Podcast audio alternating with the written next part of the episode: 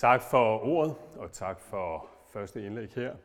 Jeg øh, tænkte, at øh, vi vil begynde. Jeg har samme emne, fortabelsen i Oldkirken og moderne teologi. Jeg tænkte, at vi vil begynde i andet århundrede og begynde i første halvdel af andet århundrede, bare lige med en tekst fra, fra Anne Clemens brev. Øh, for lige at, at se. Øh, Anne Clemens brev, vi er formentlig i Rom. Det er givetvis ikke samme øh, Clemens, som, som vi kender fra første Clemens men det betyder ikke så meget for min pointe her. Jeg vil bare lige sådan prøve at, at se. Det er en homili, og temaet er frelse. Det er det, det som, som går igennem øh, anden Clemens brev, jeg tænkte, vi kunne begynde her.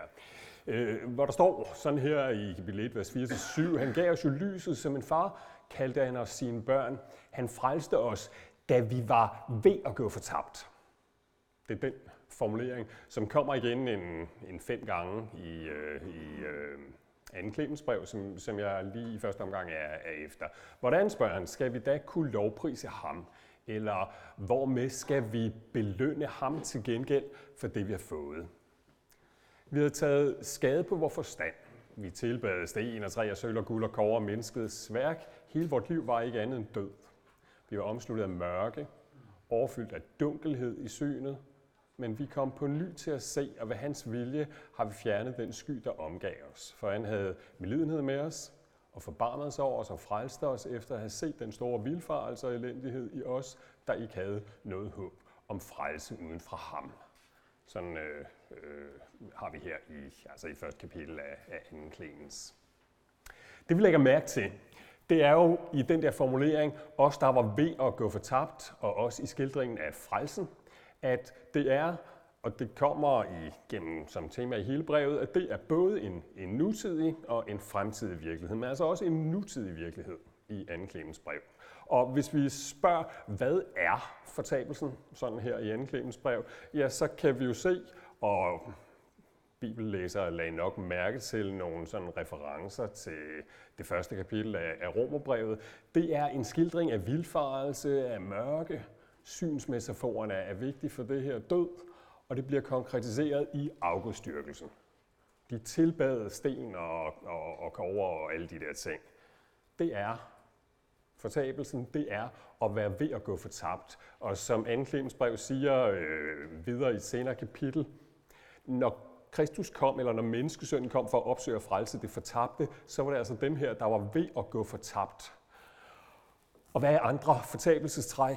Ja, det er sådan noget som ægteskabsbrud, det er sådan noget som at tale ondt om hinanden, det er misundelse, det er fordærv, det er pengegriskhed, som skildres i nogle sådan lastekataloger i 2. Peters brev, med sådan tydelig, eller 2. Clemens brev med, med tydelige referencer til forskellige, både Paulus og andre nytestamentlige brevsteder. Øh, I kan prøve at læse 2. Clemens brev, hvis I har lyst. Der er en fin oversættelse af, af Søren Giversen for at se på det her. Hvad er frelsen så? Ja, vi så det jo her, han gav os lyset, og også det der med at komme til at se de der formuleringer. Så i, i 2. århundrede kan der nok ikke være nogen tvivl om, at når man bruger synsmetaforen og kommer til at se og blive oplyst på den måde, så er det en, øh, en slags henvisning til dåben. Det er i hvert fald den måde, man meget, meget øh, ofte taler om dåben på her, og vi kan også se det, når vi begynder at komme så langt frem, så vi får øh, for dåbsritualer, at det er noget, som spiller en rolle. Frelsen er også sådan en nutidig virkelighed. Men hvad så med den endelige dom og den endelige frelse, den endelige fortabelse og frelse? Ja, 2. Brev er meget tydelig på, som alle 2. århundredes tekster, vi kender, som har noget om det. At Kristus ved sin genkomst vil dømme, og som jeg ser det, at den her dom vil føre til en evig frelse og en evig fortabelse. Jeg har bare lige skrevet nogle anden Clemens tekster på her. Og hvis vi spørger, hvad den endelige frelse er, så kan vi sige, at, at måden, det bliver udtrykt på, det er, at vi ikke skal tænke sådan om det, at der er ligesom sket et eller andet her i tiden, og så fører det til noget helt andet i den endelige frelse. Nej, den frelse, den oplysning, som er skildret som frelsen, det er det, som indholdsmæssigt er den frelse, som skal fastholdes evigt ved dom. Og hvis vi spørger, hvad øh, fortabelsen er, så er den helt klart i anklagens brev dom, og den er straf, Men hvis vi spørger sådan mere indholdsmæssigt, så er den det synd, den mørke, den elendighed, det oprør mod Gud, som det her er udtryk fra, det det, som vi var i, da vi var ved at gå fortabt, det der participium, som, som anden bruger. Og nu var det bare her lige for at have sådan et, et nedslag her. Jeg vil sige sådan, at min forståelse overordnet af, hvad det er, der sker teologisk i andet århundrede og også i starten af 3. århundrede, ganske bredt. Og sådan set, øh, ja, i andet århundrede skrev de jo græsk næsten alle sammen, og så begynder der at komme lidt latin på der i starten af 3. århundrede. Men hvis vi skal sige, hvad fortabelsen er, den evige fortabelse, så kan vi sige, at fra Guds side, så er det den der situation at være i fortabelsen og være ved at gå fortabt, som fra Guds side bliver fastholdt. Øh, jeg, jeg tænker, at det, det, det kan man sige, hvis vi spørger, hvad er den evige, den endelige fortabelse, den futuriske, fremtidige fortabelse. Fra menneskets side, så er det synd, det oprør mod Gud, som er fastholdt. Jeg skal lige vende tilbage til om et øjeblik, hvorfor jeg tror, at det her er vigtigt. Det vi ikke finder i andet århundrede, det er det, som, øh, som vi måske kender fra middelalderlige øh, helvedesteorier. Vi kan huske Dante med det her underjordiske helvede i, i øh, ni afdelinger med djævlen i, som, som den, der regerer i den nederste afdeling, altså hvor, hvor det er djævlen, der er subjekt for fortabelsen. Når Matteus evangeliet kapitel 10, øh, ja, nu har jeg lige glemt, hvad vers det er, for det, og det har jeg lige fået skrevet her, men der, hvor der står, at Gud kan, eller der, frygt ham, der kan lade både sjæl og læme gå fortabt i helvede, der er de meget tydelige på, at det er Gud, der er subjekt for det her, for den her fastholdelse. Men det vi ikke finder heller, det er det, man kunne kalde en, en, en adskillelse af fortabelsesvirkeligheden, det som anklemens Clemens kalder at være ved at gå fortabt, og så altså sådan, at, at, at det er noget helt andet. Man kunne jo godt forestille sig en dom, hvor Gud var den, som var sådan som en dommer skal være i et retssystem, ikke også? Den, der er lidt tilbagelænet, netop ikke er part i sagen. Kigger på, hvad har den og den gjort ved at overtræde nogle regler, og så skal der være en strafudmåling i overensstemmelse med det, og så kan man så diskutere, er den her strafudmåling fair eller ej, men dommeren må ikke være part i sagen. Så er han inhabil, og så skal han finde en anden dommer. Men det er ikke det billede, vi får af dommen her. Dommeren er i allerhøjeste grad part i sagen. For fortabelsen og syndens virkelighed er oprøret mod ham. Og hans reaktion, det, han, hans vredesreaktion, er øh, hans reaktion på, på den virkelighed. Og så er det jo rigtigt, at hvis vi spørger, hvad er fortabelsen mere sådan konkret, hvordan skal vi forstå det, så er der faktisk ganske mange forståelser i den, øh, i den tidligere kirke, i, i de forskellige andet århundredes tekster. For eksempel ild og mørke, øh, de der bibelske hovedbilleder på det. Skal vi forstå det konkret, nærmest fysisk? Hvad, hvad er en åndelig ild, hvis vi skal forstå det som en åndelig ild? Og jeg er ikke specialist på det. Min fornemmelse er, men det kan være, at jeg tager fejl, men jeg synes, at jeg vil sige, at der er noget, der tyder på i hvert fald, at hvordan de forstår de her metaforer, det er lidt bestemt af, hvilken sådan helhedsforståelse de har metafysisk øh, og, og også i menneskesynet.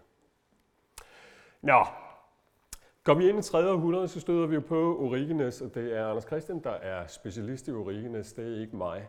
Men øh, jeg vil alligevel sige, at mit indtryk øh, og øh, den oplevelse, man har, det er, at der sker noget nyt med Origenes. Øh, og der sker i hvert fald en, øh, en, en ny tænkning om det her. Origenes han tager jo det her fra Apostlenes Gerninger 3.21 med alle tings genoprettelse, eller på græsk apokatastasis, ind, og, og det bliver en slags hovedord, selvfølgelig også når vi taler om det teologisk. Det handler om en genoprettelse, og der er Origenes jo i god tradition tilbage til det andet århundrede. Frelsen er en genoprettelse, men det frelsen er en genoprettelse af for Origenes, det er en, øh, ja, man kan sige en genoprettelse af alle de rationelle væsener, sådan som han tænker sig det. Opgøret, det er helt klart den form for skæbnetro, kunne man sige, som han stod overfor.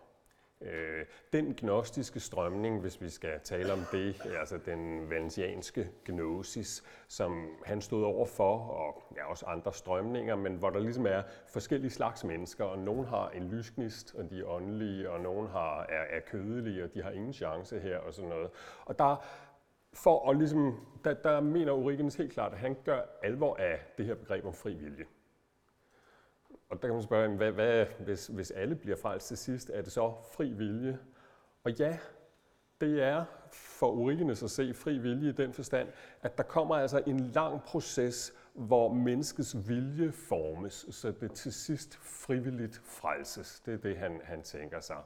Opnå den der oprindelige harmoni. Hvad er den så?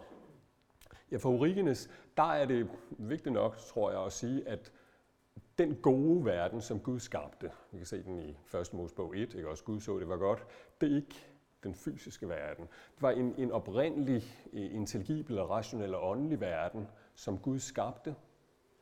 Den fysiske verden, vi lever i, det er en slags, hmm, jeg ved ikke, om man kunne sige, en slags pædagogisk redskab, som sjælene kan bruge til at lære frelsen. Og frelse er noget, man kan læres. En, en, en læringsproces opnå den læring, som frelsen er. Og så kan man sige, at det sker jo helt åbenlyst ikke for alle. Nej, men så kommer der andre eoner efter den her, og der kan komme en, en det bliver jo svært, og et svært spekulativt system, øh, og måske også svært helt øh, at systematisere Origenes her, men en, en, en successiv række af, altså hvor det, som sker nu i den her verden, i den her tid, det er, det er kun en lille eon i en lang række, hvor den her proces kan tænkes og foregå, den her lærings- eller dannelsesproces. Og Jesus er lærer i det her system. Videre i 3. århundrede, den anden af de store repræsentanter for læren om alles frelse, som også kalder det apokatastasis, Gregor af Nyssa, hos ham, der, der, øh, der er tænkningen lidt anderledes, men altså mennesket er i bevægelse. Skabt til at være i bevægelse hen mod Gud. Og ja, vi går ikke så meget ind i, hvorfor det er en opsigtsvækkende bestemmelse her. Det vi bare lige her i dag skal, skal have fat i, det er, at retningen bliver afgørende for den der bevægelse, som menneskelivet er. Synd det, som frelsen er en frelse ud af, det er den der bevægelse væk fra Gud. Og Gregor Anysa, han, øh, han øh, har sådan den her tanke om, at ilden er en rensende ild, som kan brænde den der bevægelse væk fra Gud ud af mennesket. Og det han på en eller anden måde argumenterer for, det er sådan en slags, øh, ja, jeg kalder det en, øh, en universel skærsild en lang og smertefuld proces, som efter den her verden skal føre til, at alle til sidst frelses i, i den her proces. Øhm, ja. Underligt nok forbinder Gregoria Nyssa, eller måske egentlig ikke så underligt, men hvis vi skal diskutere bibeltekster, så er der den der 1. Korinther 3 øh, øh, tekst, som, som Anders Christian nævnte før, som Gregor Nyssa ikke forbinder det her med, øh, fordi han har en anden forståelse af den tekst, end den, som Anders Christian øh, gjorde red for her, tror jeg. Men det kan vi se, om vi når at snakke om. I moderne teologi, så kommer der ja, flere, lidt flere modeller for at forstå det her som alles frelse. Øh, mange herinde kender sikkert forskellige former for frelsesuniversalisme i sporene af Karl Barth. Jeg skal ikke øh, gøre meget ud af det her, det er jo den der tanke i udvælgelseslæren om, at Gud har en udvælgelse, som er en udvælgelse af Jesus, og i ham er alle mennesker i ham. Og at det, uden at Bart i hvert fald i de tidlige tekster vil drage sådan en helt klar lærekonsekvens af det her, så er tendensen i det her alligevel helt klart, at i den her evige udvælgelse i Gud, der ligger øh, sådan en nådens triumf, som gør, at troen ikke kan tro, at Guds udvælgelse ikke vil overvinde forkastelsen for hvert eneste menneske. Sådan, sådan bliver det til hos Karl Barth, og i sporene af ham er en, en teolog som Eberhard Jøngel. I dansk kontekst så er det øh, ikke mindst, det har vi jo så også lige hørt Anders Christian gøre rede for, øh, altså det, det er mere den her renselsestænkning, som har fyldt i debatten de senere år. Øh, tit kombineret med sådan en slags, det man kunne kalde en eksistentialiseret annihilationslære. Jeg ved ikke, om Anders Christian vil godkende det udtryk, men den klassiske annihilationslære, som jo øh, traditionelt teologihistorisk er blevet forbundet med Jehovas vidner faktisk, det er, at personen udslettes. Øhm, og det skal vi tale om senere i dag. Men det, som øh, for eksempel øh, Niels Henrik Gregersen går i retning af i sin øh, nye store bog om eskatologi, det er jo det her med, at der er en blanding af ondt og godt i hver eneste menneske, og det onde eller synden på en måde renses ud af mennesket i den her proces. Og der påberåber man sig ofte Gregorian Nyssa. Nogle herinde har sikkert læst Love Wins af, af Rob Bell, som kom for en, en halvsnes år siden. En meget, meget stor bog i den sådan øh, traditionelt... Øh, altså Rob Bell kommer jo fra sådan en traditionel evangelikal sammenhæng, men argumenterer på en måde, altså grundlæggende på samme måde. Øh, der skal komme en eller anden et eller andet bagefter den her verden, hvor der kommer en eller anden langstrakt proces, hvor der kan ske den her formation af mennesket, og frelsen er den formation, eller, eller dannelse, eller renselse. Det bliver to sider af samme sag hos ham. Hvad skal vi sige til det? Vi har hørt Anders Christians bud, og vi skal tale om det, og nu får I lige mit bud. Eller nogle af de pejlemærker, som jeg har brug for, når jeg skal sige noget om det her. Sis Lewis han siger, at fortabelsen er øhm, the lost soul eternally fixed in its diabolic attitude. Med det, der vil han kritisere det spekulative i en lang række teorier, både helvedes teorier og apokatastasis teorier. Men han vil også gøre det gældende, som jeg synes, at jeg ser både i det andet århundrede og for så vidt også hos Paulus. Nemlig at fortabelsen er, Guds vrede er, hvis vi skal beskrive, hvad den er. Det er Guds prisgivelse af mennesket til dets eget oprør til Gud. Paulus siger det jo sådan i Romer 1, øh, at Gud prisgav dem, når hans vrede åbenbares fra himlen. Og jeg tænker, at det er det samme, som Louis siger. Jeg er ikke uden videre med Louis i alting omkring fortabelsen, specielt ikke i den rolle, som han lægger på viljen, men det lader vi også lige lægge her. Det, som er vigtigt for mig, det er at sige, at frelsen i Nytestamentet, som jeg læser det, er det Kristusliv, den Kristusretfærdighed, som han giver ved troen og dåben. Og det begynder nu, og det er den frelse, som skal bestå i dommen. Og fortabelsen er det, der er, når frelsen ikke sker, så at sige. Fortabelsen er på den måde, hvis vi skal sige, hvad den er, syndens Guds relation. Som straf er den Guds vrede, som eksistens, så er den menneskets oprør mod Gud. Og hvordan skal vi så tænke om det? Jeg vil bare slutte med at sige, hvad jeg tænker om det, eller den formulering, jeg altid lander på, når jeg bliver spurgt, hvad fortabelsen er. For mig er fortabelsen en, en gåde i troen. Øh, fortabelsen er ikke øh, logisk på den måde. Det store spørgsmål for mig, som er overbevist om, at øh, de bibelske tekster og Jesus selv bevidner den her virkelighed, det er det her, hvorfor frelser Gud ikke alle? Og jeg kan ikke se, at Nytestamentet giver mig noget svar på det. Når det står, når det er en gåde, så er det fordi, det er ikke lige logisk. Altså, hvis frelsen ikke skyldes mig, eller min gode vilje, eller min omvendelse, eller min beslutning, eller min indsats, altså, hvorfor så ikke alle? Hvis Gud kan frelse mig, så er der ingen grænser for, hvem han kan frelse. Hvorfor så ikke alle? Det, det det spørgsmål, eller den, den gåde der. Som jeg ser det, så kan jeg ikke svare på det spørgsmål.